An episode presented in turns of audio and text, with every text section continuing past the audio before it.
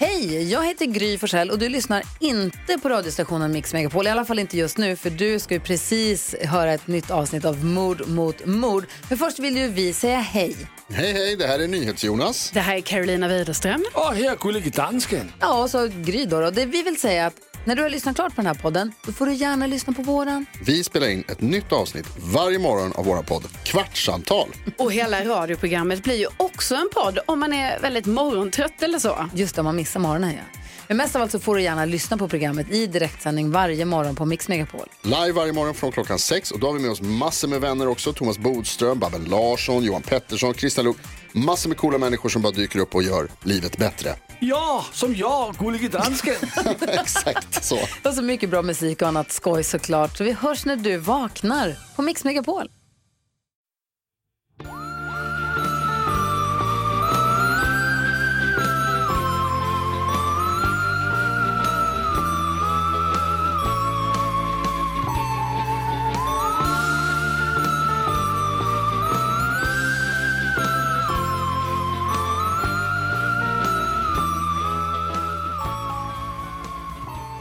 Vi har typ matchande röster idag känns som. Mm. Lite så förkylda båda två. Hallå och välkomna till Mord mot mord. En true crime podcast som görs av dig Anna Sandell och av mig Karin Londré. Erik Lundin. Lät det som. Du, som du hade samma den betoningen. Just det, idag kommer jag bara prata, Prata som här. Erik Lundin. Eh, jag Vi hann har börjat inte, med spoken word. exakt. Jag hann inte fråga dig, för du sa att du, precis innan du introducerade. Ja, ja, Vi har samma matchande röster idag. ja.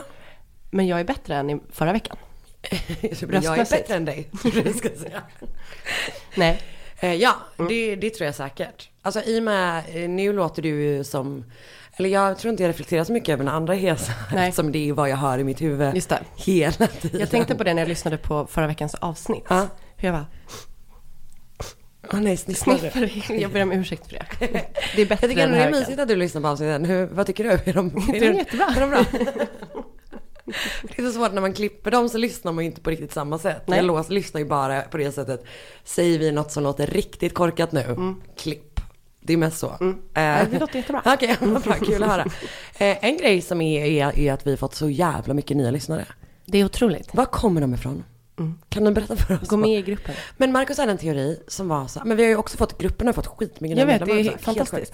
Men Marcus hade en teori som är att folk har åkt hem på jul och berättat för sina familjer om att de har en podd som de lyssnar på. Kanske. Kanske. Berätta var var mysigt. kommer ifrån, eh, nykomlingarna eh, och till er gamla. Kul att ni är med oss fortfarande. Verkligen. Eh, vi har ju haft problem med vår Nextory-kod. Ja. Jag tänker vi ska säga det, om ni har testat, försökt använda, eh, alltså att gå in på nextory.se slash kampanj, skrivit in mord mot mord som kampanjkod för att få en månad gratis. Eh, och det inte har funkat för er, så är det för att koden Det var eh, någon lag, lagg med balla koden. ur. Mm. Eh, men den ska vara på gång igen nu. Så nu kan man gå in och testa igen om man vill börja året med e-böcker. Exakt. Om en stund så eh, ge- ger vi ju våra tips och sådär Mm. som vanligt. Ni vet, ni vet hur det funkar. Hur mår du? Jag mår bra. Jag har ju varit väldigt sjuk då, men nu är jag ju på banan igen. Ja, Men, ehm, men du var hemma igår. Ensam hemma. ah, så jävla skönt. Berätta, berätta om din kväll. Ehm, ja, men jag kom hem, jag har varit ute på stan på dagen. Så kom hem. Också mysigt komma hem från att ha varit ute på stan på dagen. Ja, och köpte ny, jag köpte en ny telefon. Ehm, så gjorde, gjorde jag, nu snöar det. Det är verkligen kul. Fan vilken mysig stämning Ja, det blir när det är te, det är pepparkakor. Det är pepparkakor efter jul, det är lite resterna här Ja, från jul. mm, gud. Nu äter vi ut snackskåpen. Exakt. Eh, nej men eh, så började det liksom där vid sex. Så jag ville inte äta middag riktigt än. Så jag gjorde en rosting. Jag hade så gott rostebröd hemma. Eh, så gjorde jag det. Och sen så gick jag och handlade och visste inte vad jag ville äta. Så tänkte jag, mm, vad ska jag äta? Vad ska jag äta? Så blev det bara nachos med guacamole. Så gott. så gott. Gjorde du nachos i ugnen med ost på? Nej, nej, alltså. Bara jag köpte på- Doritos. Ja. ehm, Ah. Doritos med ostsmak och så gjorde jag guacamole. Fan vad gott. Och moffade i mig. Så köpte jag en Loka Crush päron. Mm, unna sig. Med eh, 50 centiliters flaska. Det är verkligen när man är ensam hemma, en 50 centiliters flaska. Och eh, sen åt jag det. Så härligt. Det, Det som var skitgott. i fredags när jag och Markus hade den här middagen. Till förrätt. Eh, grönsaker med dipp. Två Gott. dipper. Jag satsade på två dipper. Då vet man att man menar bilis. Och sen bakade vi bullar och åt skitmycket bullar. Så gott. De Hade ni inte ont i magen när så ni kollade jävla sen? fula.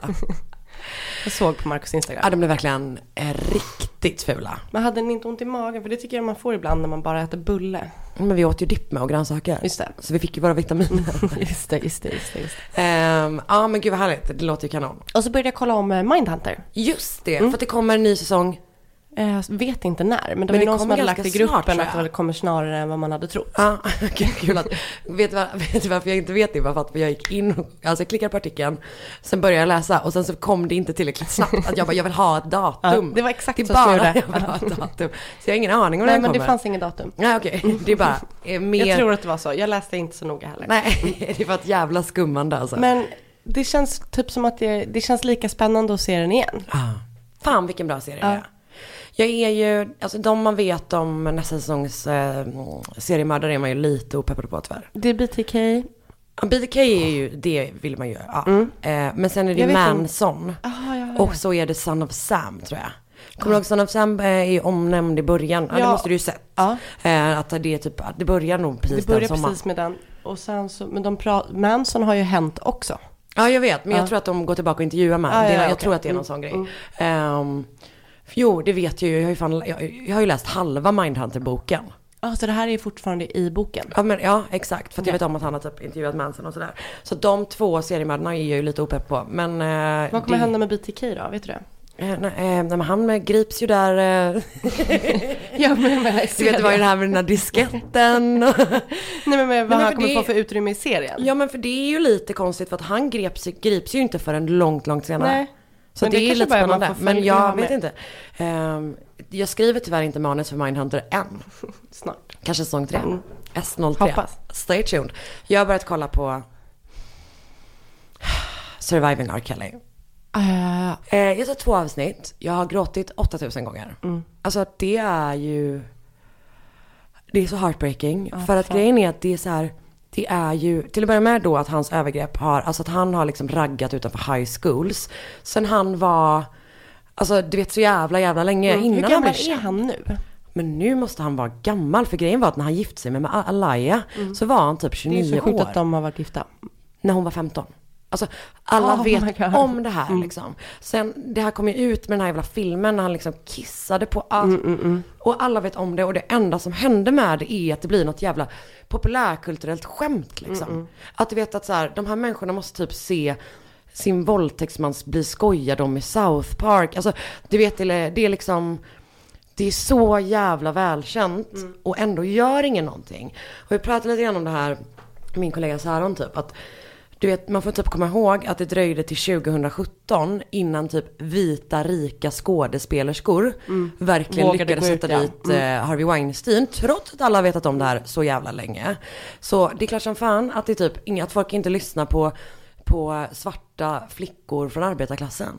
Men det är så här, Exakt den där spaningen läste jag någon annanstans. eh, kanske i våran chatt. Nej. Nej, Nej men, men, de, de, de pratar om det i serien också liksom. Eh, Det är, eh, jag tycker verkligen alla borde se den. Och jag typ Ja. sa det till Marcus för att han, vi såg två avsnitt, jag tror att den är sex avsnitt. Oj. Och han bara så här, ja vi kan typ inte fortsätta kolla på det här. Jag bara, jo vet du vad? De här kvinnorna har typ vågat gå ut och berätta. det är vår fucking skyldighet att lyssna på det. Att typ så här, att det är jättejobbigt för oss. Det är liksom, ja jag vet inte. Men det var, ja den är så hemsk. Den är så hemsk. Åh den är så hemsk. Och också på tal om det, jag lyssnade också på en fruktansvärt hemsk eh, P1-dokumentär. Som heter typ så här, hjälp jag känner två bröder som är jag lyssnar på den idag! Har du gjort det? Jag har inte lyssnat, jag har tio minuter kvar.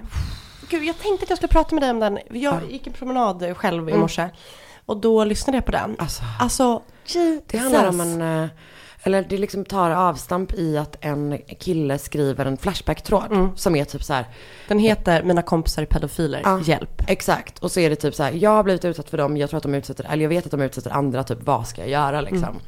Och det är, handlar om ett brödrapar som liksom hänger med jättemycket småpojkar och har beter sig som att det är helt normalt. Att Och de, här utnyttjar dem. pojkarna som, för att det som jag tyckte var så hemskt är just att de, hur, hur eh, förgripare hittar sina offer. Att de går på så här, de här pojkarna har inga kompisar, Nej, de, de är har i skolan. Exakt. Och så liksom, Här har ni alla tv-spel ni vill ha, jag ritar så att, manga. Så att den Alltså, här, en av, eh, en av, eh, ett, ett av offren säger ju så här, "Vad- när, vad fick du dit? Får han frågan då. Ja. När han bara, men annars hade jag varit helt själv. Ja. Att det är så här, det var hans enda Ah. vänner. Och det är ju så jävla vidrigt hur man Ja, utnyttjar är svaga, men, eller liksom, Ja, och det, det är ju också typ det som är grejen i om man typ drar paralleller till R. Kelly-dokumentären så är det ju också, där är det typ så här, det är typ tjejer som så här kanske drömmer om en karriär inom musik liksom. Och hur han bara exploaterar deras drömmar och deras behov och att de liksom typ ja, men kanske inte har det lätt hemma eller whatever. Att han bara exploaterar, det är liksom, ehm, alltså predators, vad heter det på svenska? eh, inte förövare, the predators är ju rovdjur. Ja men typ. exakt, rovdjur eh, ser svaghet och attackerar på det. Och det är så jävla obehagligt. Och typ, ja, det är också därför vi måste lägga om hela bilden av typ våldtäktsoffer eller folk som stannar i våldsamma relationer eller vad som helst. För att det är så här, vi kan inte fatta, Nej. man kan inte fatta utifrån hur det är att bli manipulerad på det sättet. Jag läste en, eh, ett quote från den R. Kelly, eller quote var det väl inte, men att det, det tar sju, sju till gånger att lämna sin... Sin abusive, Ja, eh, sin relation, eh, relation. Ja. Mm. Oh, det här blev, alltså just när man bara, kan vi göra det mörkare? Kan vi, kan vi göra inledningen mörkare än fortsättningen?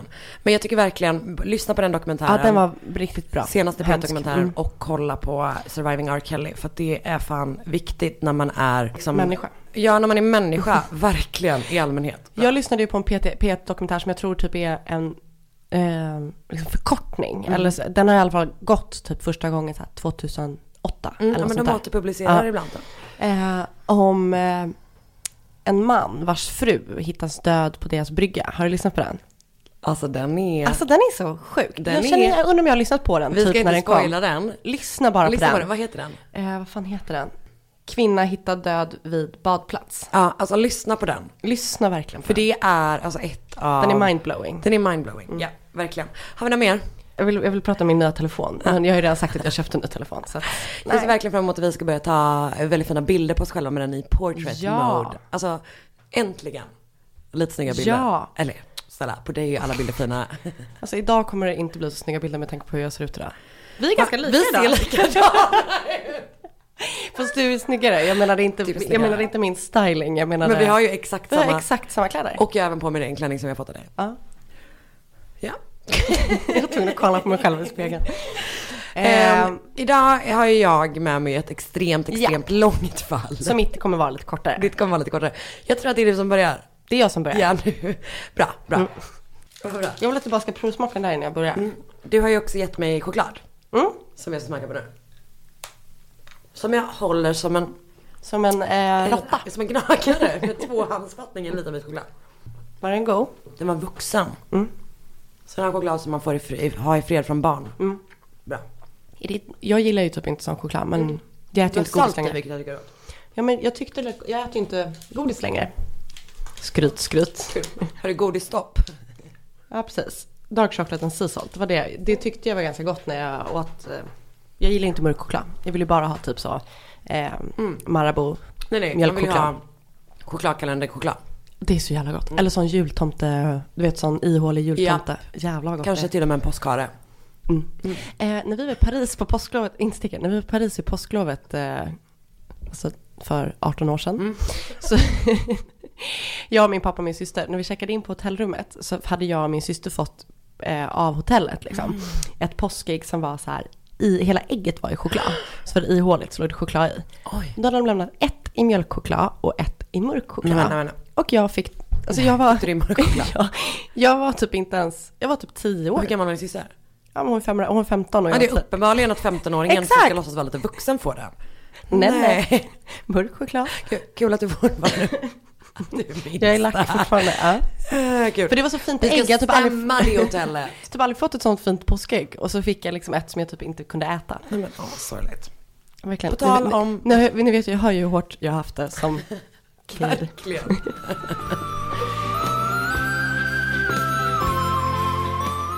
Om man går in på nextray.se slash kampanj, skriver in mord mot mord som kampanjkod, funkar nu. Eh, så får man en månad gratis på Nextray och är samtidigt med och stöttar vår eh, podd. Det gör man. Ja. Och så tipsar ju vi här om böcker. Så nu ska du tipsa om en bok. Ska jag börja? Ja. Okej, då vill jag tipsa om hur man löser ett spaningsmord som är Therese Tangs bok. Ah. Och Therese Tang var ju eh, från Missing People och var med och löste det här förlösa mordet. Väldigt spännande. Väldigt intressant person. Så den vill jag tipsa om. Wow. Och jag tipsar om en bok som heter Sista rånet, en bok om värdetransportrån. Som är skriven som Anders, av Anders Adali, som själv har varit bankrånare. Ja, han ja. Ja, så den tipsar jag om. Ja, spännande. Så gå in på nextdoor.se, snedstreck kampanj, skriv in mord mot mord som kampanjkod så får ni en hel månad gratis. Med massa av ljud och e-böcker. Så härligt. Hej.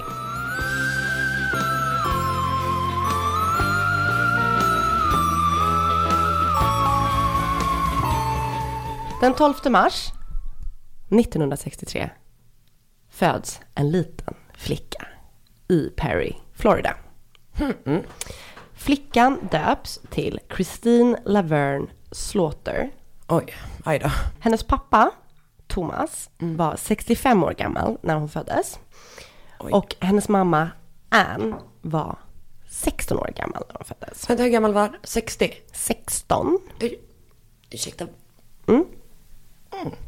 There's a pretty huge age difference. Mm. Otroligt obehagligt. Eh, familjen hade väldigt ont om pengar och Kristin hade eh, både en intellektuell funktionsvariation och eh, grav epilepsi. Aj då. Och eh, hennes föräldrar liksom hade det inte bra med varandra och de bråkade hela tiden. Och hennes mamma lämnade liksom flera gånger familjen. Och eh, jag läste någonstans att varje gång, Kristina upplevde att varje gång hon lämnade så kom hon tillbaka med ett nytt syskon. För att hon var liksom, åkte iväg och blev gravid. Så att Oj. Eh, hon hade två syskon, Kristin hade två syskon. Men Thomas då var, inte pappa. Men de verkar ändå liksom ha levt. Förståeligt ändå, man bara, mm, eh, jag vill inte ha fler barn med den här uråldriga personen eftersom jag ännu inte får rösta. Exakt. Eh, men den här kombinationen av liksom att eh, de hade dålig relation, föräldrarna, eh, och att de inte hade några pengar resulterade i att Christine fick tillbringa mycket tid liksom, på olika barnhem och typ i olika, hos olika fosterfamiljer.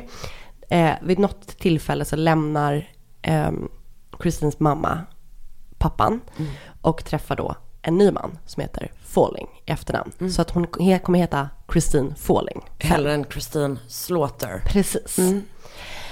Eh, och Christine var ett väldigt osäkert barn och det, det här vägde hon upp med att hon liksom var tuff istället.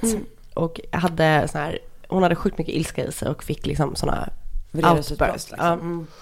Ehm, och när hon fortfarande var liksom ett ganska litet barn ehm, så fick hon utlopp för sin ilska genom att döda olika mindre djur. Nej, det är inte bra sätt att få...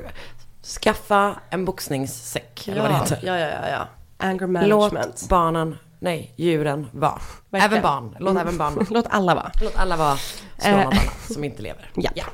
Ehm, och då bland annat tama katter. Och enligt henne själv så var det för att testa om katterna verkligen hade nio liv. Och hon fattade ju ganska direkt att det hade de inte. Men hon fortsatte ändå liksom göra sitt experiment. Och när hon var 14 år så tvingades henne, tvingade hennes mamma, föräldrar, men liksom jag tror att det är mamman och den här nya mannen, ehm, att gifta sig med den, någonstans stod det att han var 20 år äldre, men jag tror att det är den 20 år gamla Goober Falling. Eh, och det här verkar som att det är hennes styvbror. Ja, gud det är ju samma efternamn. Och varför har de döpt sitt barn till Goober? I don't know, it's cool. Goober Slaughter hade han kunnat heta, det hade varit värre. Eh, men det var liksom ingen lyckad match, de bråkade hela tiden, så efter bara sex Eftersom veckor. de var syskon. Ja, och att de typ fortfarande var barn liksom. Ja, också det. Eh, så de skilde sig efter sex veckor. Eh, och efter skilsmässan så åkte Kristin in och ut på sjukhus, liksom fram och tillbaka. Under två år så var hon inne 50 gånger på sjukhus. Och hon led så av hallucinationer, fläckar på synen, hon hade en jättejobbig menstruation. Eh, och det verkar som att hon sökte uppmärksamhet, att hon liksom inte alltid var sjuk. Utan lite Münchhausen. Exakt, för det är det man tror att hon hade. Ehm, och för hon kunde vara så här, en orm har bitit mig, eller liksom det var så här, hon ville ha. Så att precis, många tänkte liksom så här, det här är ett classic case av Mün- Münchhausen. Eh, men sen när då hon var 16 år gammal så ville hon dryga ut kassan lite. Så då började hon jobba extra eh, som eh, barnflicka hos grannar i kvarteret. Eh, alla vuxna li- liksom litade på henne och eh, hon hade så här en närande sida. Och liksom, det verkar, hon gillade barn och barn gillade henne. Eh, så hon började med det. Så i början av 1980, typ i februari tror jag det var, så kommer paret Johnson in med sin lilla tvååriga Cassidy till doktorn. Cassidy har fått hjärnhinneinflammation eh, som en följd och så visar det sig att inflammationen är en följd av att hon har fått eh, slag mot huvudet. Så bara tre dagar senare så dör den här tvååriga Cassidy. Och föräldrarna är ju såklart helt utom sig av sorg och förstår inte vad som har hänt. Eh, men Christine, deras barnflicka, berättar att Cassidy har trillat ur sin säng och liksom trillat på huvudet och därför har han fått det här. Den här läkaren som har behandlat Cassidy tror inte på Christine så hen gör en anmälan och den här anmälan leder ingenstans. Ehm, så istället flyttar Christine till Lakeland i Florida. Eh, och även där så fortsätter hon att vara barnflicka. Ehm, och bara två månader efter hon har kommit till Lakeland så dör den fyra år gamla Jeffrey Davis som Christine var barnflicka till. Obduktionen visar att den lilla pojken har fått hjärtmuskelinflammation. Eh, men läkarna undrar om det liksom är den enda anledningen till hans död. Ehm, så det liksom är lite så här suspekt oklart, runt alltså. det. Och eh, när föräldrarna ska begrava lilla Jeffrey, typ det värsta man kan tänka sig, en fyraårig pojke, så bad de ehm, sin barnflicka att vakta Jeffreys kusin. Så att eh, liksom, de föräldrarna kunde vara med på begravningen. Så Christine vaktar den två år gamla Joseph Spring när eh, Josephs kusin begravs. Och även den här lilla pojken dör bara timmar efter att Christine har börjat vakta honom. Hon sa att han inte hade vaknat efter sin nap. Alltså liksom att han bara så här, men han somnade och sen så vaknade han aldrig igen. Och man tänkte att han måste ha fått en så här jättehastig virusinfektion som har satt sig någonstans. Eh, och sen liksom dog han. Så det här fallet stängdes ner liksom, utan att man tittade vidare på det. Och man hade inga tydliga bevis på att någonting hade hänt det andra barnet heller. Nej, typ inte.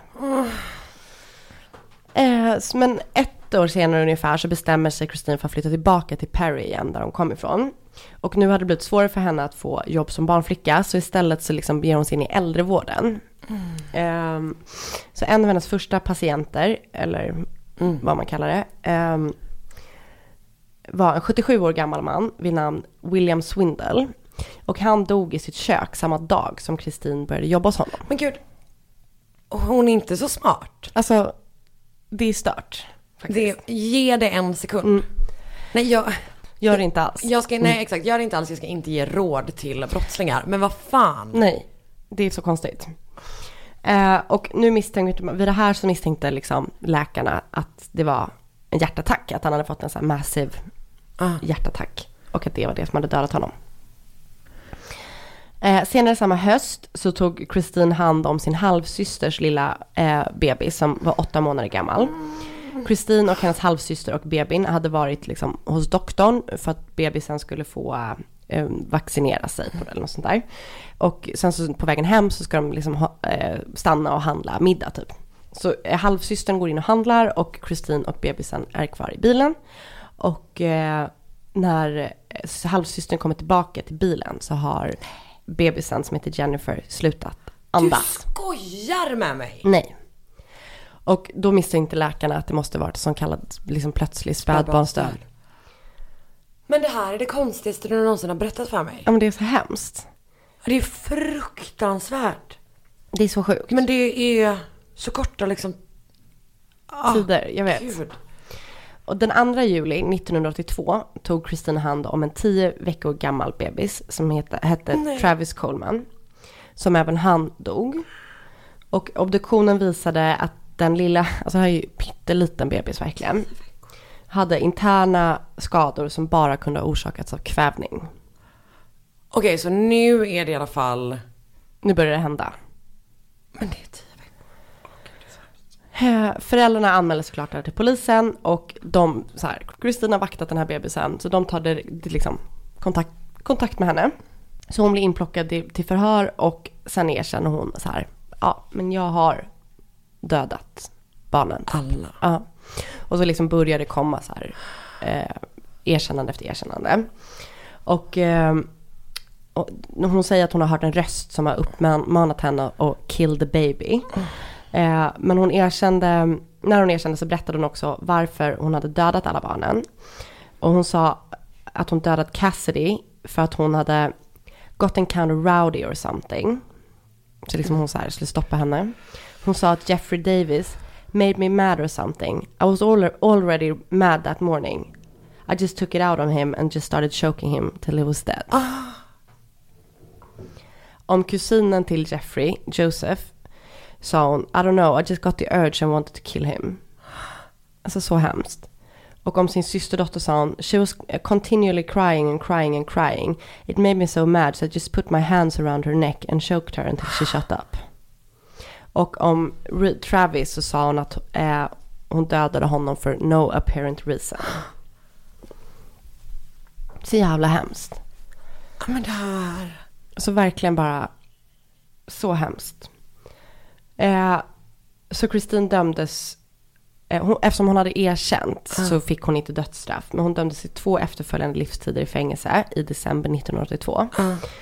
Eh, Så man ansåg inte att hon var sjuk? Nej. Liksom. Nej. Ehm, så efter hon har suttit 25 år, alltså 2007, så sökte hon för att bli frigiven, men nekades eftersom hon inte dök upp på sitt sånt parole hearing. Bra. Men så fick hon en ny chans nu i 2017, men som hon också fick avslag på. Ehm, så just nu sitter hon i fängelset i Homestead i Florida. Och hennes tänkta frigivningsdatum är 2254. Även om hon får chans till resning om fem år igen. Vänta, vad sa vi? Fem barn? Och en äldre ja. Men gud, jag har aldrig hört talas om det här. Jag tror att det här var ett tips. Så Det är hemskt. rakt av en kvinnlig seriemördare som har dödat fem barn och en Alltså så gammal person. Jesus. Nej men det där är... Så hemskt. Har har det liksom ett namn fallet upp? Eller är det bara Typ hennes? the baby, Ah. killer, babysitter. Men alltså du vet det är något... Åh, man kan liksom inte ens... Alltså förstår du? Men, jag kan tänka mig, jag har ju inga egna barn, men jag kan tänka mig att det är svårt nog att hitta en barnflicka man litar på. Och sen när man väl har hittat den. Eller det måste kännas jobbigt att lämna bort sitt barn, kanske. Jag vet inte. Och sen så får man en, en tok. Men bara den grejen att det är så här, hon gick in och handlade. Och kom tillbaka. Det är ju tio minuter. Ja det är verkligen tio minuter. Och du vet bara den så här, eller som jag... Och Som kan jag vara så cool efter. Bara så här. Ah. Jag vet inte, hon andas inte. Men man, det är en grej jag undrar, är hur hon agerade. Alltså om hon var som bara, the baby's not breathing. Alltså förstår du vad jag menar? Jag tror inte det. För att det känns ju, det hade man ju gjort. Jag har inte läst någonting om det, men jag, jag tror inte det. För att det, eller du vet, jag tänker typ att det var ganska många gånger som någon kom hem och man bara, eh, det här barnet lever inte längre. Bara, sorry dude. Mm. Ja, jag vet inte hur eh, hon... Fan vad sjukt. Riktigt. Och så jävla jävla sorgligt. Och stackars stackars de föräldrarna. Och stackars de anhöriga till den äldre mannen Ja, också. det är så hemskt. Och just det att gå på, alltså folk som går på barn och Svaga. äldre. Dra rakt åt helvete. Ja, Det här är verkligen det deppiga avsnittet. ja. Ja. Vad tycker du om regeringslösningen?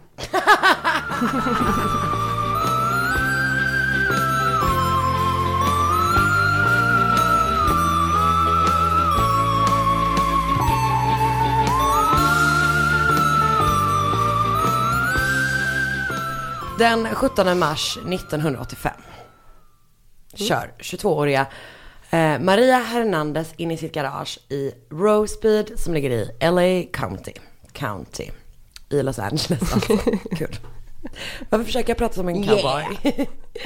När hon går ur bilen så möts hon av en man i mörka kläder och keps I sitt garage. i sitt garage. Fy fan vad läskigt. Han håller ett vapen riktat mot hennes ansikte. Han går mot henne och liksom med lyft vapen. Och hon inser så här, han kommer skjuta. Så hon lyfter upp sin högra hand. Alltså för att skydda sig. Jag tänker typ att det är ganska, att man tror, eller vet att det ändå är så att man bara liksom. Reflexaktigt. Ja men exakt, precis. Eh, och vapnet går av. Hon faller till marken. På Men något in- sätt känns det värre för mig att bli skjuten rakt genom handen än i hjärtat. Ja, men du behöver inte oroa dig. För att hon inser att hon har inte träffats. Ah. Utan kulan har studsat. Hon hade sina bilnycklar i den Åh, handen. jävlar. Så kulan har liksom studsat på bilnycklarna. Så alltså hon har ont i handen, den är liksom extrem, alltså du vet så här, hon känner att någonting har hänt med hennes hand. Men hon, det är liksom, hon är inte skjuten på det sättet liksom. Ehm, men hon ligger kvar på marken, spelar död. Och hoppas typ att den här mannen ska gå. Men han går då in i huset som hon delar med sin rumskompis Dale Okazaki. Som är 34 år gammal. Och Dale har då hört skotten gå av ut i garaget. Och gömmer sig bakom en, en bänk i köket. Hon hör någon liksom gå in i huset. Men snart blir det tyst. Och hon gömmer sig typ i flera minuter. Sitter hon liksom bakom bänken typ. Hon Kompisen inne. Eh, Precis. Och hon bara, han måste ha gått nu. Eller vem den här personen nu är, måste ha gått. Så hon bara tittar upp. Då går ett skott av Nej. som träffar henne i huvudet. Fan vad läskigt. Eh, och mannen liksom letar igenom huset lite snabbt, typ tar med sig lite värdesaker men inte så mycket. Eh, och sen går han ut genom dörren. Där möts han av Maria. Som har liksom panik förstås. Hon lyckas ta sig ut från garaget jättechockad. Han siktar igen på henne. Och hon säger Please don't shoot me again. Han sänker vapnet och springer därifrån. Nej. Och Maria kommer då senare bli det allra första vittnet att peka ut den här gärningsmannen i en rättssal. Men långt ifrån det sista. För mannen som skjutit mot henne och dödat Dale heter Richard Ramirez. The Night Stalker. Oh my god. Jag sa att det skulle bli en, Nu är en heavy hitter. Ibland känner jag typ att man måste, Ja. man måste ta dem. Jag tar och det här är ofta. anledningen, exakt. Det här är också anledningen till att jag råkade skriva världens längsta Men jag längtar redan. Han var bra. Eh, Hur långt var det där ungefär? Yippee. Men det avslutas här med att jag bara klistrat in ett litet questionnaire som han har svarat på som jag tyckte var intressant. Okej. Så vi kör en genomgång av Richard Ramirez från början. Jajamän. Eh, Ricardo Leiva Munoz Ramirez, känd då som Richard Ramirez, föddes den 29 februari 1960 i El Paso i Texas. Och båda hans föräldrar är mexikanska immigranter. De heter eh, Julian och Mercedes och Richard, Richard blir då yngst i en syskonskara på fem barn. Han kallas för Little Richie. Eh, och Julian har problem med sin ilska, som det så fint heter. Han är en våldsam pappa liksom. Han är ständigt rasande på sina uppfuckande barn. För de är inte heller, alltså de beter sig inte svinbra, men oavsett hur man beter sig ska en pappa inte bete sig så som nej, han nej. gör liksom. Han slår sina barn. Eh, och Mercedes har haft en hel del problem under sina graviditeter. Vilket man tror att hon har eh, beror på att hon har jobbat i en fabrik där hon kommit i kontakt med typ farliga kemiska ämnen. Man har helt enkelt inte liksom brytt sig om sina arbetare med, nog för att förse dem med liksom skyddsutrustning och sådär. Eh, och platsen där de växer upp ligger också nä- rätt nära ett ställe där man testar kärnvapen. Eh, så det känns inte heller som en så här super Nej, nej. bra grej. Så hon har jättemycket problem under sina graviditeter. Framförallt eh, med Richards närmsta bror.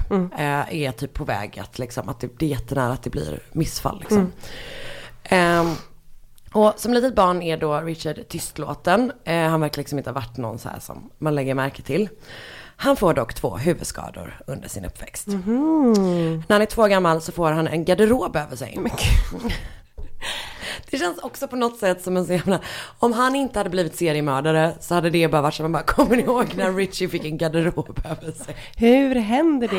Men jag tänker, tror ni inte han klättrade? Jo, det måste jag. Ja. Eh, så det, han får då alltså k- 30 stygn i pannan. Åh jäklar. Ja. När han är fem så får han den klassiska gungan i huvudet. Som, vi försöker komma på vilka det är. Det är det BTK. Eller John Wayne Gacy. Det är ett gäng som har fått ett gungor i huvudet i alla fall. Då blir han då medvetslös och efter det så börjar han, eh, ja, men, eh, drabbas han av epileptiska anfall. Även eh, fun fact, för att slippa undan sin våldsamma pappa så brukar Richard ibland sova på kyrkogårdar. Men gud. Ja. Han har då fyra äldre syskon. Men det är en kusin som kommer få stort inflytande över hans liv. Och det är liksom inte en god förebild. Tänk dig den värsta sortens förebild. Okej. Där har du honom. Eh, för när han är då 12 år gammal så börjar han hänga med sin kusin Miguel Ramirez. Och Miguel har varit med i armén och varit i Vietnam. Och där har han gjort helt vidriga grejer mot vietnamesiska kvinnor.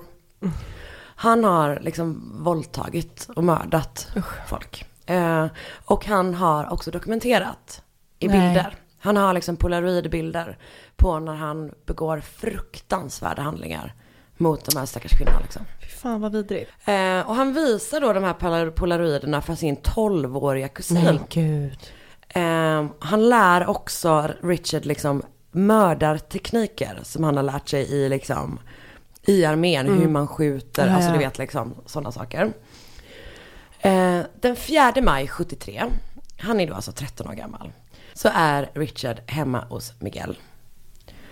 Och den här dagen så skjuter Miguel sin fru. Jessie i ansiktet. Va? Så hon dör. Framför Richard och deras barn. Va? Japp. Varför? Eh, de hade väl haft ett stormigt förhållande. Som det sägs. Miguel säger då till Richard typ att du får inte berätta det här för någon.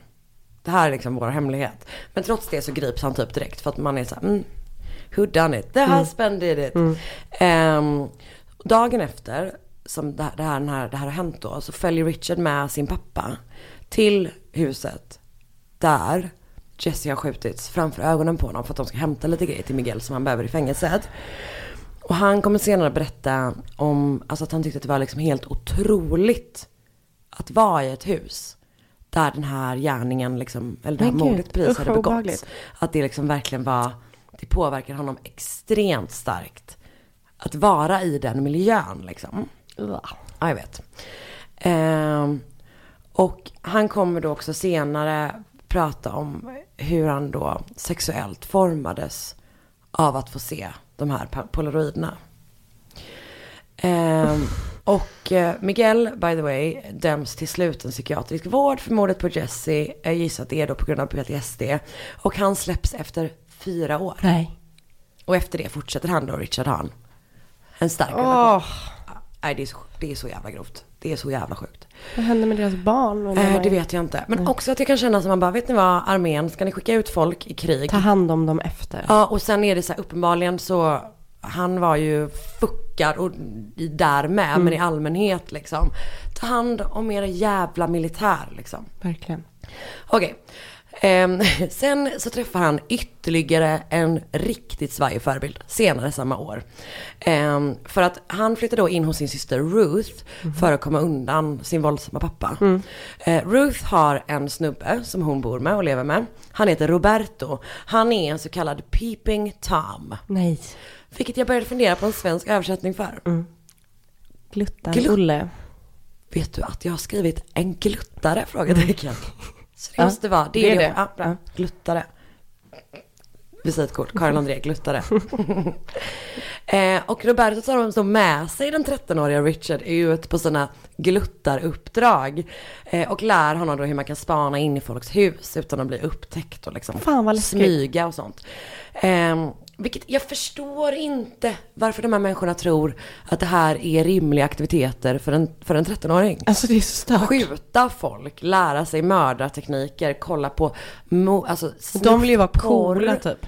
Ja, men vet du vad? En 13-åring tycker också du är cool om du typ är bra på fingerboard. Kanske inte uppfunnit då i och för sig. Jag vet inte ens vad fingerboard är. Det var en sån liten skateboard som Ah, man ja, körde ja, med ja, ja. dåtidens sån Fidget fidget spinner. spinner. Ja. Exakt. Eh, kanske jojo ja, det var hade varit coolt. bra på det här. När man gjorde så här. Gud, kör du en dubbel-jojo? Ja. Nej, det är när man håller. Ah, just du vet, det. man, ja. Mm, mm. Och sen kommer jag ihåg när man var liten och jag körde Diablo. Som var, Var en grej som man gjorde på pinnarna. Ja, ja, men gud, det har jag aldrig gjort. Gud, min, min, min bror gjorde det så mycket. Jävlar vad högt han kastade. Fångade igen. Tight. Wow. Fan vad coolt. Man bara, mm, gärna håll en liten uppvisning. Alla är superintresserade. Eh, Okej. Men han är då mer inne på de här polaroiderna, Mm. peeping, tong, peeping tom-uppdrag och så vidare. Eh, och han eh, påverkas då också väldigt mycket av den här känslan av alltså, hur spännande det är att kolla på, alltså att iaktta folk som inte vet att man är där. Min värsta skräck. Ah, ja, ja. Det är därför det är så skönt att du bor så högt upp. Exakt. Du är Kaknästornet, rakt in. Där får man inte gå upp längre som besökare så att I'm good to go. ja, men besökare. Det är ju de Du menar någon som anställda. bor där? de anställda. Ah, ja, ja. Eh, Okej. Han börjar också röka gräs som tioåring. Eh, Men i mitten av tonåren går han då vidare till tyngre grejer. Framförallt så är- blir, eller först så blir han jävligt pepp på LSD. Det, och han kommer liksom knarka till the bitter end då. Eh, och ungefär samtidigt, så alltså mitten av tonåren, tonåren då, sägs det då att han börjar bli intresserad av satanism. Men alltså jag, jag tror ju typ inte på att han, Nej. jag tror att han, inte, att han är intresserad av att chocka folk. Jag tror inte att han börjar bli praktiserande Nej, satanist. Och jag tror att han också är, du vet så här, jag lyssnar på AC/DC. Man bara, mm, it's not a badass thing. Nej. Eh, han börjar också då jobba på Holiday Inn. Är perfekt för en person som då gillar att spana, Spana, på folk och som har våldsfantasier om kvinnor. Eh, han får då en nyckel som går till alla rum. Och en dag i slutet av 70-talet så kommer en man tillbaka till sitt hotellrum och hittar Richard Ramirez i färd med att våldta hans fru. Nej. Och han spöar Richard totalt. Eh, verkligen går på honom som fan. Men senare så lägger man ner åtalet mot honom för att de var ju på besök där. De bor inte i den staten vilket gör att typ så här, men de orkar liksom inte driva det. Jag tror att de inte pallar. Nej. Ja, så. De orkar liksom inte ge sig in i en rättssituation i en rättssak i en annan stat typ. Han får ju då sparken i alla fall. Det är Alltid något. Eh, och sen flyttade han då till Kalifornien där han kommer bo resten av sitt liv. Och han flyttade runt lite i, liksom, i staten Kalifornien, lite på olika ställen. Och bland annat bor han ett tag på The Cecil Hotel i LA. Som är ett klassiskt eh, mordhotell. Eller där Eli- eh, Liza Lam, kommer du ihåg henne? Eh, det fallet utspelar ju sig där. Jag Just tror typ att han, du vet, The Vienna Strangler, kommer du ihåg honom? Ja. Han som skrev om eh, Han sina som- egna mord. ja, exakt. Eh, jag tror att han bodde där ett tag också. Ah, ja, ja. Mm, tror det. Ett poddtips från Podplay. I fallen jag aldrig glömmer djupdyker Hasse Aro i arbetet bakom några av Sveriges mest uppseendeväckande brottsutredningar. Går vi in med hemlig telefonavlyssning och, och då upplever vi att vi får en total förändring av hans beteende. Vad är det som händer nu? Vem är det som läcker? Och så säger han att jag är kriminell, jag har varit kriminell i hela mitt liv men att mörda ett barn, där går min gräns. Nya säsongen av Fallen jag aldrig glömmer på Podplay. Den 10 april 1984 begår Richard Ramirez sitt första kända mord. Och det kommer dröja skitlång tid innan man faktiskt knyter det här mordet till honom. Eh, och det här är superhemskt. För det är då nioåriga May Leung som hittas i en källare under ett hotell i San Francisco. Och Richard bor då på det här hotellet under den här tiden. Och hennes kropp var liksom väldigt illa åtgången. Eh, men man hittade DNA på brottsplatsen. Så inte förrän 2009 kom man koppla det mordet till Richard Ramirez. Jäklar. Alltså genom DNA liksom. Jävlar så det är vad så sjukt. jävla långt senare. Eh, och det här är då det första kända mordet som sagt. Och efter det så bosätter han sig i LA och eh, de senaste årens knarkande har eh, liksom eskalerat rejält. Han, han är framförallt väldigt inne på kokain. Mhm. Mycket, riktigt så kolatorsk liksom. Och hela hans värld kretsar då liksom kring att få knark. Mm. Eh, han hänger på någon busstation väldigt mycket i, i LA. Mhm. Som liksom samlar olika shady characters. Eh, och där träffar han bland annat då en snubbe som säljer stöldgods. Mhm. Eh, eller som köper och säljer stöldgods, du fattar. Eh, och för att då få pengar till knark så börjar Richard eh, stjäla bilar. Mhm. Eh, och sen åka på liksom så här inbrottsturnéer typ. Och sen säljer han då byte till den här snubben, kan köpa knark. Du Mm. fattar. Du kan. I know the drill. Mm, men drakarna tackar nej till att investera i den här affären. Ehm, men snart då så kommer han inte, liksom, eller han nöjer sig ju inte med att göra inbrott efter ett tag. Utan det blir mycket, mycket värre. För i slutet av juni 84 hittas 79-åriga Jenny Winkov brutalt mördad i sin lägenhet. I Glassell Park bor hon. Och hon har blivit knivhuggen och väldigt mycket, väldigt illa mot halsen liksom. Eh, mördaren har tagits in genom ett öppet fönster och vid fönsterblecket så hittar man ett fingeravtryck. Men trots det så kallnar fallet väldigt snabbt liksom. Och han kommer senare prata om att han var extremt hög när han begick det här mordet. Och att eh, efter det, för att han kände typ såhär, jag begår misstag. Så efter det så började han sluta ta supermycket kokain innan han begick sina brott. Ja, okej. Det var ju bra. Så han var ändå, han, Han utvecklade. utvecklades. Ja. Ja, exakt. Eh, och sen går det lite dit åtta månader tror jag, innan det är dags igen. Och då mördar han systrarna Christina och Mary Caldwell, som är 58 respektive 79, eh, 71 år. Jag tror att Christina tar hand om Mary, som är väldigt sjuk liksom. Och de mördas med ett dussin knivhugg Det är så mycket. var liksom. Och det här mordet sätter då igång en intensiv Night Stalker-fas liksom. Som kommer, fast man kallar inte honom inte Night Stalker från början. Utan typ The Walk-In Killer och eh, The Sliding Doors Intruder och lite olika sådana saker. Eh, men det här fasen kommer då pågå till augusti samma år. Eh, så det är liksom ganska kort period liksom. Eh, den 17 mars då så mördar han Dale Okazaki och skjuter eh, Maria Hernandez, det var där vi började. Och redan samma kväll mördar han igen. Så det är liksom en sån sjuk jävla eskalering som pågår. Och det han då gör är att han följer efter en eh, 30-åring som heter Sailian Veron- eh, Veronica kallas hon Yu. Från, eh, och hon, han drar ut henne från sin bil. Eh, från, eh, från hennes bil och skjuter henne med två skott. På den här brottsplatsen så hittar man en ACDC-mössa som gärningsmannen har tappat. Och du vet det blir sån jävla satanic panic Ja, ja, ja. stämning kring just ACDC. Och sen tror jag att det finns, eller man inser då att de har en låt från mycket tidigare. Sen heter det inte Night Stalker men den heter Night Prowler. Har Ja, de en låt som heter. Så folk bara oh my god it's na na na. Man, mm. Så att ACDC måste gå ut och typ så senare liksom har de varit tvungna att gå ut och berätta att de inte liksom Stödde, Ja men, lite, bakom ja, men det. lite så typ. Ehm, och eh, du vet så här, det- senare så är det någon barndomsvän som pratar om hur mycket han gillade ACDC typ. Och då måste du vet bli det sådana så ACDC made me kill rubrik. Alltså det blir helt sjukt liksom. Ehm, och en vecka senare eh, i- fortfarande i mars där tror jag det är, eh, så begår han då ett av sina mest våldsamma brott. Och det här är jättegrovt.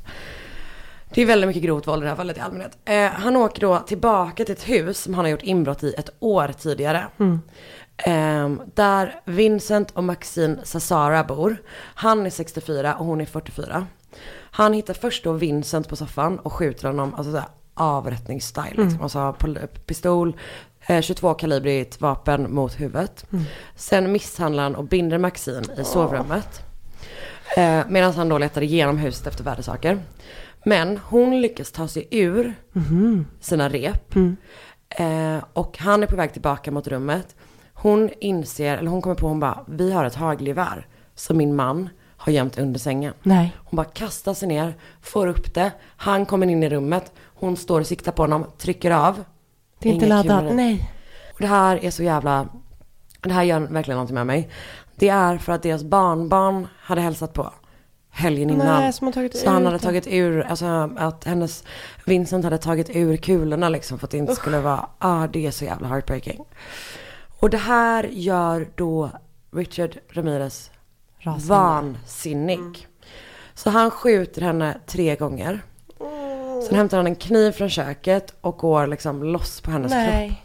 Och bland annat så ristar han då in ett upp och ner på vänt kors på hennes överkropp. Och sen, och det här är en av våra värsta saker, kräver han ut ögonen. Ja det är verkligen vidrigt. Och sen tar han ett smyckeskrin från platsen, tar med sig ögonen Nej. i skrinet därifrån. Åh. Ja. Men eh, en bra grej kommer från det här vidriga, vidriga brottet och det är att polisen hittar ett skoavtryck. Från en Avia sneaker. Jag vet inte vad det är för märke, vet du det? Nej, ingen aning. Ehm, och de, de kanske var tvungna att lägga ner det här för att det blir extremt förknippat. Eh, och man inser då att man har hittat samma skoavtryck på flera tidigare Ah. eh, liksom brottsplatser. Och då och så, eller, kollar man på vapnet och inser att det är samma vapen också. Jävlar. Så ganska tidigt, för att grejen är typ att det är hur jävla ofta ser vi inte det, att ingen fattar att det är en seriemördare. Mm. Här fattar de att det är en seriemördare skitsnabbt liksom. Eh, och grejen är att bland annat så jobbar en polis som heter Frank Salerno med det här. Mhm. Och han har då varit med och hittat The Hillside Stranglers. Mhm. Så att det som är, alltså LA, det var någon som skrev det typ så här. du kommer ihåg att vi fick en fråga om vart man inte vill åka? Att det är typ så här, det är ju egentligen Kalifornien är ju det man inte borde Ah, vilja ja. åka till för att det är så jävla mycket skit liksom. Eh, så att det som, men det som är, eller här finns poliser som har erfarenhet av den här typen av brottslingar liksom. Så de gör ganska mycket liksom rätt typ. Trots då att de liksom har, alltså en, alltså han jobbar ju väldigt random. Så det är inte det att det är superlätt och det är olika offer med olika nationaliteter och du vet olika, även om det ofta är vapen så, ja men du fattar det är ändå Ja, så han byter gör, lite sätt liksom. Ja men exakt, men de gör ändå ett jävligt bra jobb typ. Men okej, vi pratar MO. Eh, för Richard Ramirez stal då alltid, alltid bilar som han använde när han letade upp sina offer. Eh, han attackerade hus som var mörklag, eller mörklagda men ofta hade någon sorts typ av alltså ljus på verandan eller liksom utanför dörren. Och när han fick syn på ett hus han gillade så stängde han av lamporna på bilen medan han liksom rullade sakta. Ja, det är så obehagligt. Och parkerade då utanför. Han tog sig alltid in genom öppna dörrar eller fönster. Vilket är så- åh. Det är så obehagligt. Ja, men grejen är att så här, ganska ofta är det liksom, du vet så här, små, små fönster. Men du vet att han kan liksom så klättra in i något litet fönster i källaren. Alltså han är jävligt så smidig och det är så obehagligt för han är, är extremt bra på att typ smyga liksom. Ehm, och som sagt som kallas han då för the, the Valley Intruder, the Walk-In Killer, the Sliding Doors Intruder. För han ofta går till glasdörrar liksom som är öppna då. Eh, innan han då till slut kallas för the Night Stalker. Han är som sagt extremt tyst. Han smyger in i husen. Eh, och ser till då att slå. Ibland så tar han liksom, eh, ur telefoner och sånt som man inte kan ringa. Eh, sen började, gick han alltid på eventuella män först. Oftast då med pistol mot huvudet. Eller så liksom nära han kunde komma. Sedan misshandlade, band och våldtar han kvinnor. Eh, letade igenom då husen efter värdesaker. Och han tvingar ofta kvinnorna att svära på Satan. Alltså jag tycker att han är så jävla tönt. Eh, eller typ säga att de älskade Satan och så här. Och, och eh, eh, han krävde då att de skulle visa var värdesaker fanns. Och det var ofta i samband med det han bara, finns det något mer? De bara, nej det gör det inte. Han bara, svär på Satan typ. Jag såg att, eh, och han var också typ extremt bra, men du vet så här en riktigt bra tjuv. Som noterar saker liksom. En kvinna som han hade bundit som satt på en soffa och som försökte liksom, du vet, rädda sin förlovningsring. Nej. Så att hon fick av den och la den under soffan typ. Och sen när han kom tillbaka han bara, where's that ring? Alltså du vet att han liksom, Uh. ja, jätte, alltså extremt observant vilket känns otroligt obehagligt. Jo, kommer han då på dem att ljuga när han bara swear on Satan och sen så hittar han mer grejer så alltså blir våldet grövre liksom. Han använder ganska många olika vapen utöver den här, eh, den här pistolen.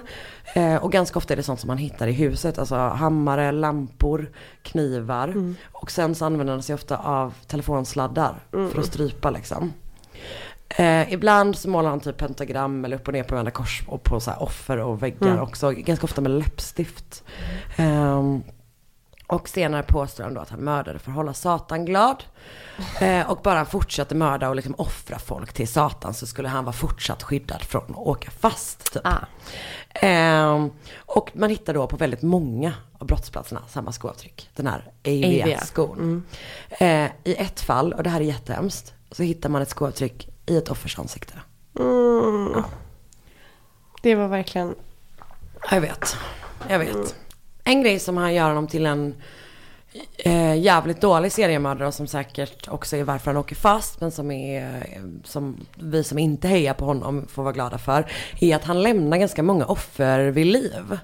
Och, ja, men så här, ofta så mördar han ju männen som sagt direkt men ganska ofta så blir alltså, flera kvinnor lever Är han liksom. maskerad liksom? Nej, han är verkligen inte det. Det är helt sjukt, han har bara mörka kläder. Alltså det är så jävla konstigt. Så det finns ju liksom gott om vittnesmål, det finns gott om typ så här, alltså hur han ser ut. Det är liksom så här, det finns jättemånga eh, med sketcher och sådär liksom. Eh, vid ett tillfälle så bryter han sig in i ett hus där han hittar en 16-årig flicka i ett av rummen. Och han misshandlar henne grovt liksom, våldtar henne och sen försöker han strypa henne med en telefonsladd. Men mitt under det mord, alltså mitt när han stryper henne, så börjar det komma gnistor från sladden. Alltså det är inte att det är liksom det är någon skit med elen liksom. Ehm, men det tar han då som ett tecken på att han ska sluta. Så den kvinnan överlever. Och hon vaknar dagen efter, för han har utsatt henne för väldigt grovt våld mot hennes huvud. Hon vaknar liksom dagen, eller kvinnan, flickan. Hon vaknar dagen efter och bara Alltså har inget minne, alltså du vet hon är helt blodig. och det är kaos i hennes rum. Hon har liksom inget minne av vad som har hänt Åh henne fan liksom. vad läskigt. Ehm, men när polisen då, Frank Salerno, får en väldigt stark relation till den här flickan. flickan eh, och när de, alltså du vet de blir jättenära typ. Så hon är på hans, när han ska gå i pension, alltså massa massa år senare, så kommer hon på den avtackningen. Ah. Och där frågar hans son om hon vill gå på dejt med honom. Nej. Och nu är de gifta. Wow. Jag försöker lägga in lite positiva saker här på vägen. Vad fint. Jag vet, det, det har ju någonting.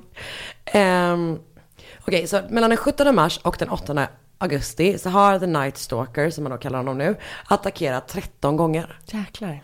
Eh, och ibland flera gånger under en och samma natt. Och alla har ju förstås panik. Alltså hela liksom Los Angeles framförallt men även liksom, alltså hela Los Angeles Co- County har liksom, det råder full panik. Eh, och media skriver skitmycket förstås. Man sätter typ ihop en så här, en rätt stor belöning då för att hur man ska liksom, alltså för den som kommer med information. Eh, du vet det är det här vanliga typ att så här, låsmeder och larmföretag Ja, ja, ja, som har jättemycket att göra. Men också att eh, alltså, hunduppfödare börjar få extremt ont om vakthundar. Alltså stora hundraser. Vad sjukt. är liksom running out i LA. Det är verkligen märkligt. Ehm, och så hela stan har liksom panik och det märker ju Richard Ramirez. Alltså folk blir bättre på att låsa sina dörrar och så vidare. Eh, så han bestämmer sig då för att lämna stan och åka till San Francisco. Eh, och där slår han då till den 18 augusti då han bryter sig in här hemma hos Barbara och Peter Pan. Så det är jättehemskt vad som händer, det, händer dem.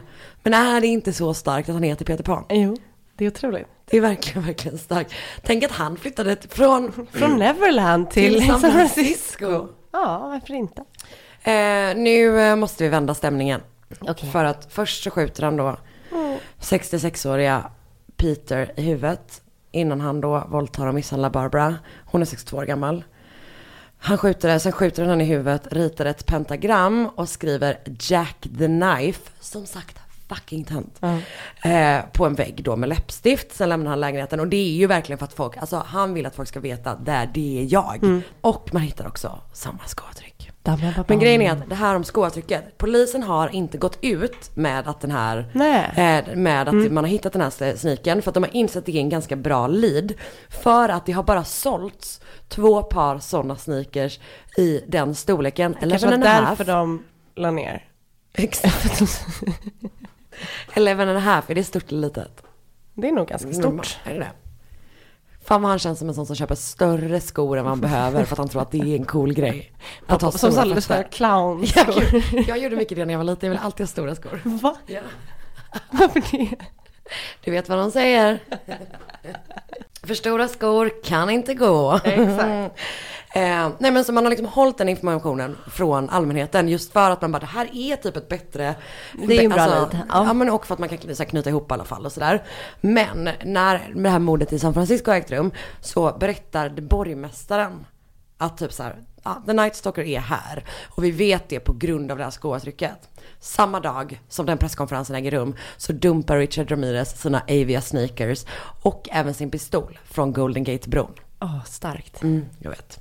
Fan, det är en filmscen alltså. Eh, någon vecka senare så ser 13-åriga James Romero III Ooh. Richard Ramirez smyga runt deras hus. Nej. Och när, han, så här, när den här 13-åringen tänder i huset så flyr då Richard Ramirez. Eh, men den här ungen, James, springer efter bilen, Nej. noterar modell, färg och får också det med ner delar av. Jävlar. Hur grym? Alltså, Alltså det är verkligen en 13-åring som är typ avgörande det, för att det, take him down. Det är Kevin från Ensam Hemma. Det, är- det är verkligen det. Eh, och det blir liksom början på slutet. Shit. Så tyvärr så hinner då Richard Ramirez med en sista attack. För han bryter sig in hos Ines Eriksson och Bill Carnes via en bakdörr. Han skjuter Bill tre gånger i huvudet. Innan han vänder sig till Ines, berättar då så han bara I'm the night stalker, the one they're writing about. Eh, alltså verkligen så, swear on Satan, bla bla bla bla. Sen våldtar han och misshandlar henne. Och det sista han säger till henne är Tell them the night stalker was here. Men både hon och Bill överlever den här attacken. Ah. Han, trots att läkarna plockar alltså ut två kulor ur hans huvud. Jävlar. Hur sjukt? Det är otroligt. Ja, det är verkligen otroligt. Och ungefär samtidigt som liksom den här 13-åringen då börjar på sin crime fighting spree. Ehm, så har den här snubben då som Richard Ramirez säljer allt sitt stöldgods till. Bara så här, mm, fan nu har jag fått så jävla mycket grejer som är blodiga. Ah. Så jag kanske, och du vet, eh, belöningen har ju också vuxit. Ehm, så att han bara, jag kanske ändå ska göra någonting. Och grejen är att hans dotter är polis. Nej. Så han går då, han vill ju inte väcka uppmärksamhet själv eftersom han själv sysslar med olagligheter. Ja. Men han säger till henne att typ ta kontakt med the task force liksom och typ Mm. tipsa om den här snubben. Men grejen är att han känner bara honom som Ricky. Han har liksom, alltså, han Mm. Ja, har aldrig sett något lägg när han pantade saker liksom. Eh, men det är ändå så här, it's closing in. Och man hittar då den här stulna bilen som 13-åriga James såg. Eh, och den är helt avtorkad från fingeravtryck. Mhm. Man hittar inte ett enda fingeravtryck och han var fan bra på sådana saker Mm. liksom. Eh, förutom på ett ställe. För Richard Ramirez har justerat backspegeln. Och För att där, spegla sig själv. Ja, verkligen. I sin ACDC-mössa. Köpt en ny.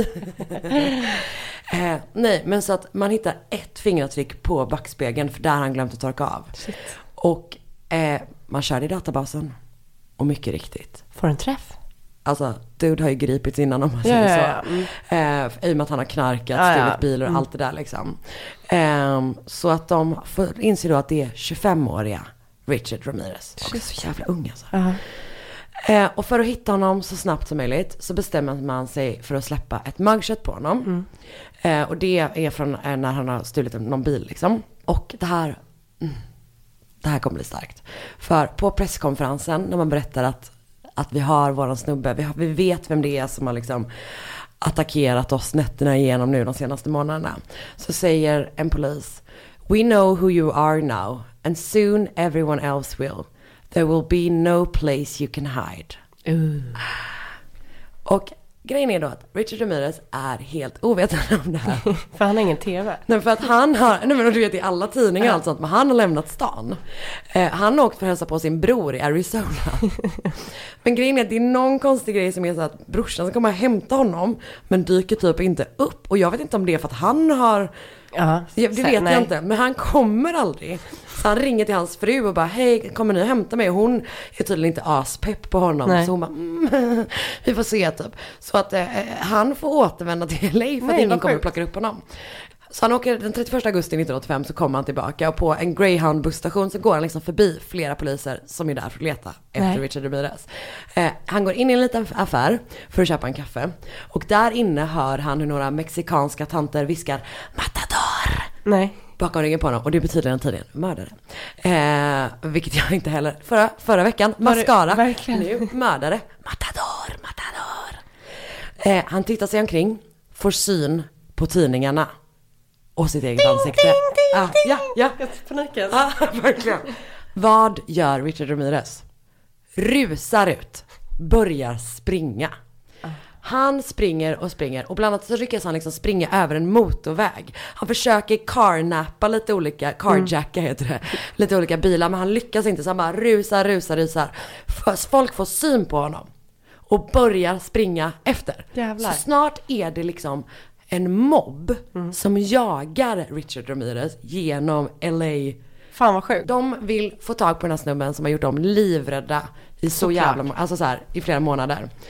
Till slut så får de tag på honom och alltså börjar misshandla honom. Nej. Alla slänger sig på honom. Pang, pang, pang. Slåss som fan typ. Men grejen är att polisen dyker snart upp eftersom de har lyckats följa, har kunnat följa 911 Alltså nödsamtalen för folk som bara Hej, Richard Ramirez sprang precis genom min trädgård och så typ, typ tre hus ner. Fan vad sjukt. Richard Ramirez sprang precis genom min trädgård. Så de kommer dit, eh, avbryter misshandeln och griper seriemördaren. Så sommaren 86 så börjar då rättegången mot Richard Ramirez och första dagen höjer han då sin hand för att visa ett pentagram, det är den här klassiska Ja. bilden. Ehm, och eh, en, en märklig detalj med det här är att under rättegången så hittas en jurymedlem skjuten. Och alla får panik. Bara, Okej, nu har han lyckats få någon på utsidan. Och du vet, jag tänker också i och med att han har hela den här satanistgrejen så tänker jag att han ses som ett verkligen så här, ett ont väsen Ja. nästan. Ehm, så att folk blir skiträdda och tror att han har liksom, ja, men, Ja, lyckats mörda den här personen då. Men eh, det var ju då förstås eh, hennes pojkvän som hade mördat henne. Såklart. Så den 20 september 89 så döms han för 13 mord, 5 mordförsök, 11 sexuella övergrepp och 14 inbrott. Till döden med hjälp av gaskammare. Alltså, det är grovt. Efter rättegången så säger han då till pressen på vägen ut. Big deal. Death always went with the territory. See you in Disneyland. Så down! Jag vet visst. Panne, Alltså, pannepotent. men jävla Man tycker att han är så jävla fräck. Ser snål Ja, ja, ja, gud ja.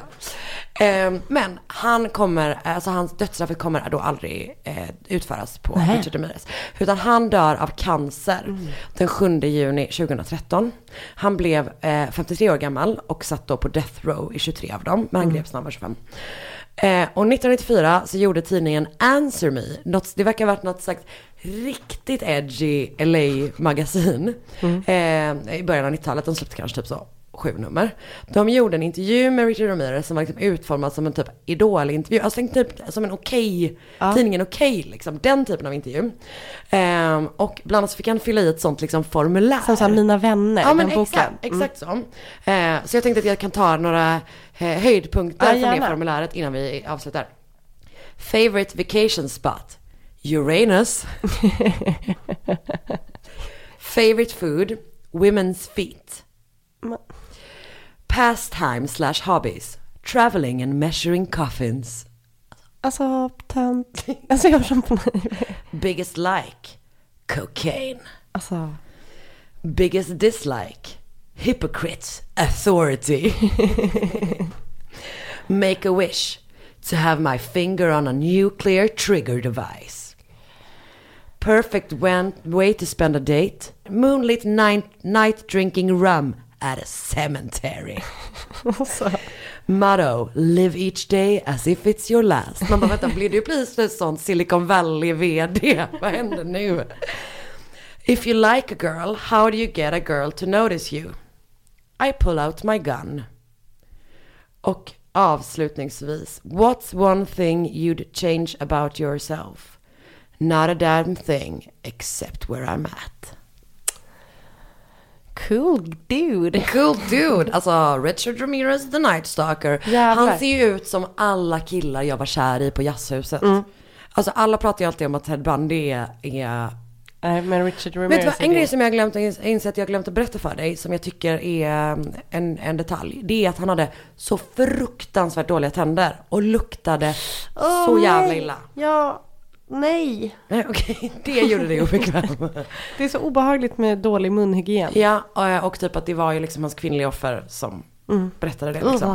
Eh, Man har ju suttit bredvid ganska många killar i sina dagar som har bara luktat riktigt illa i munnen. Alltså. Gud, vart har du hittat de killarna? Nej men alltså folk jag känner som man Ah. är så här, fuck, vad händer i din mun? I din käft. Gud, tänk om man är en sån Tänk om jag är en sån Eh, du är inte det.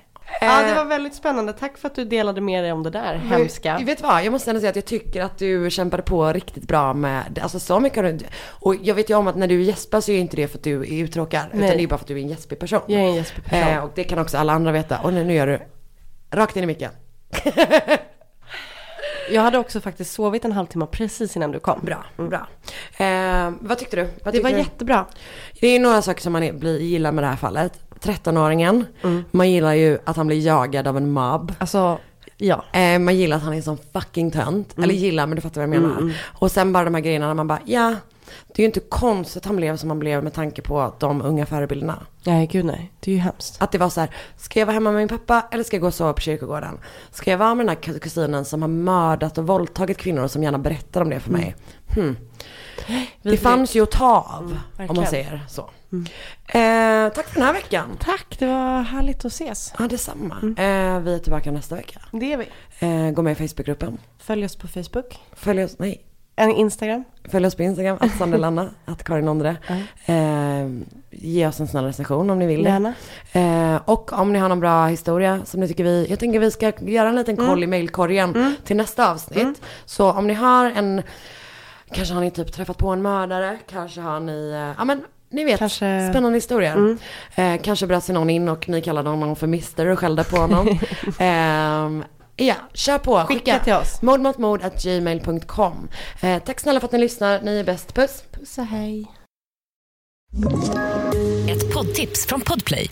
I podden Något Kaiko garanterar östgötarna Brutti och jag, Davva, dig en stor dos skratt. Där följer jag pladask för köttätandet igen. Man är lite som en jävla vampyr. Man har fått lite blodsmak och då måste man ha mer.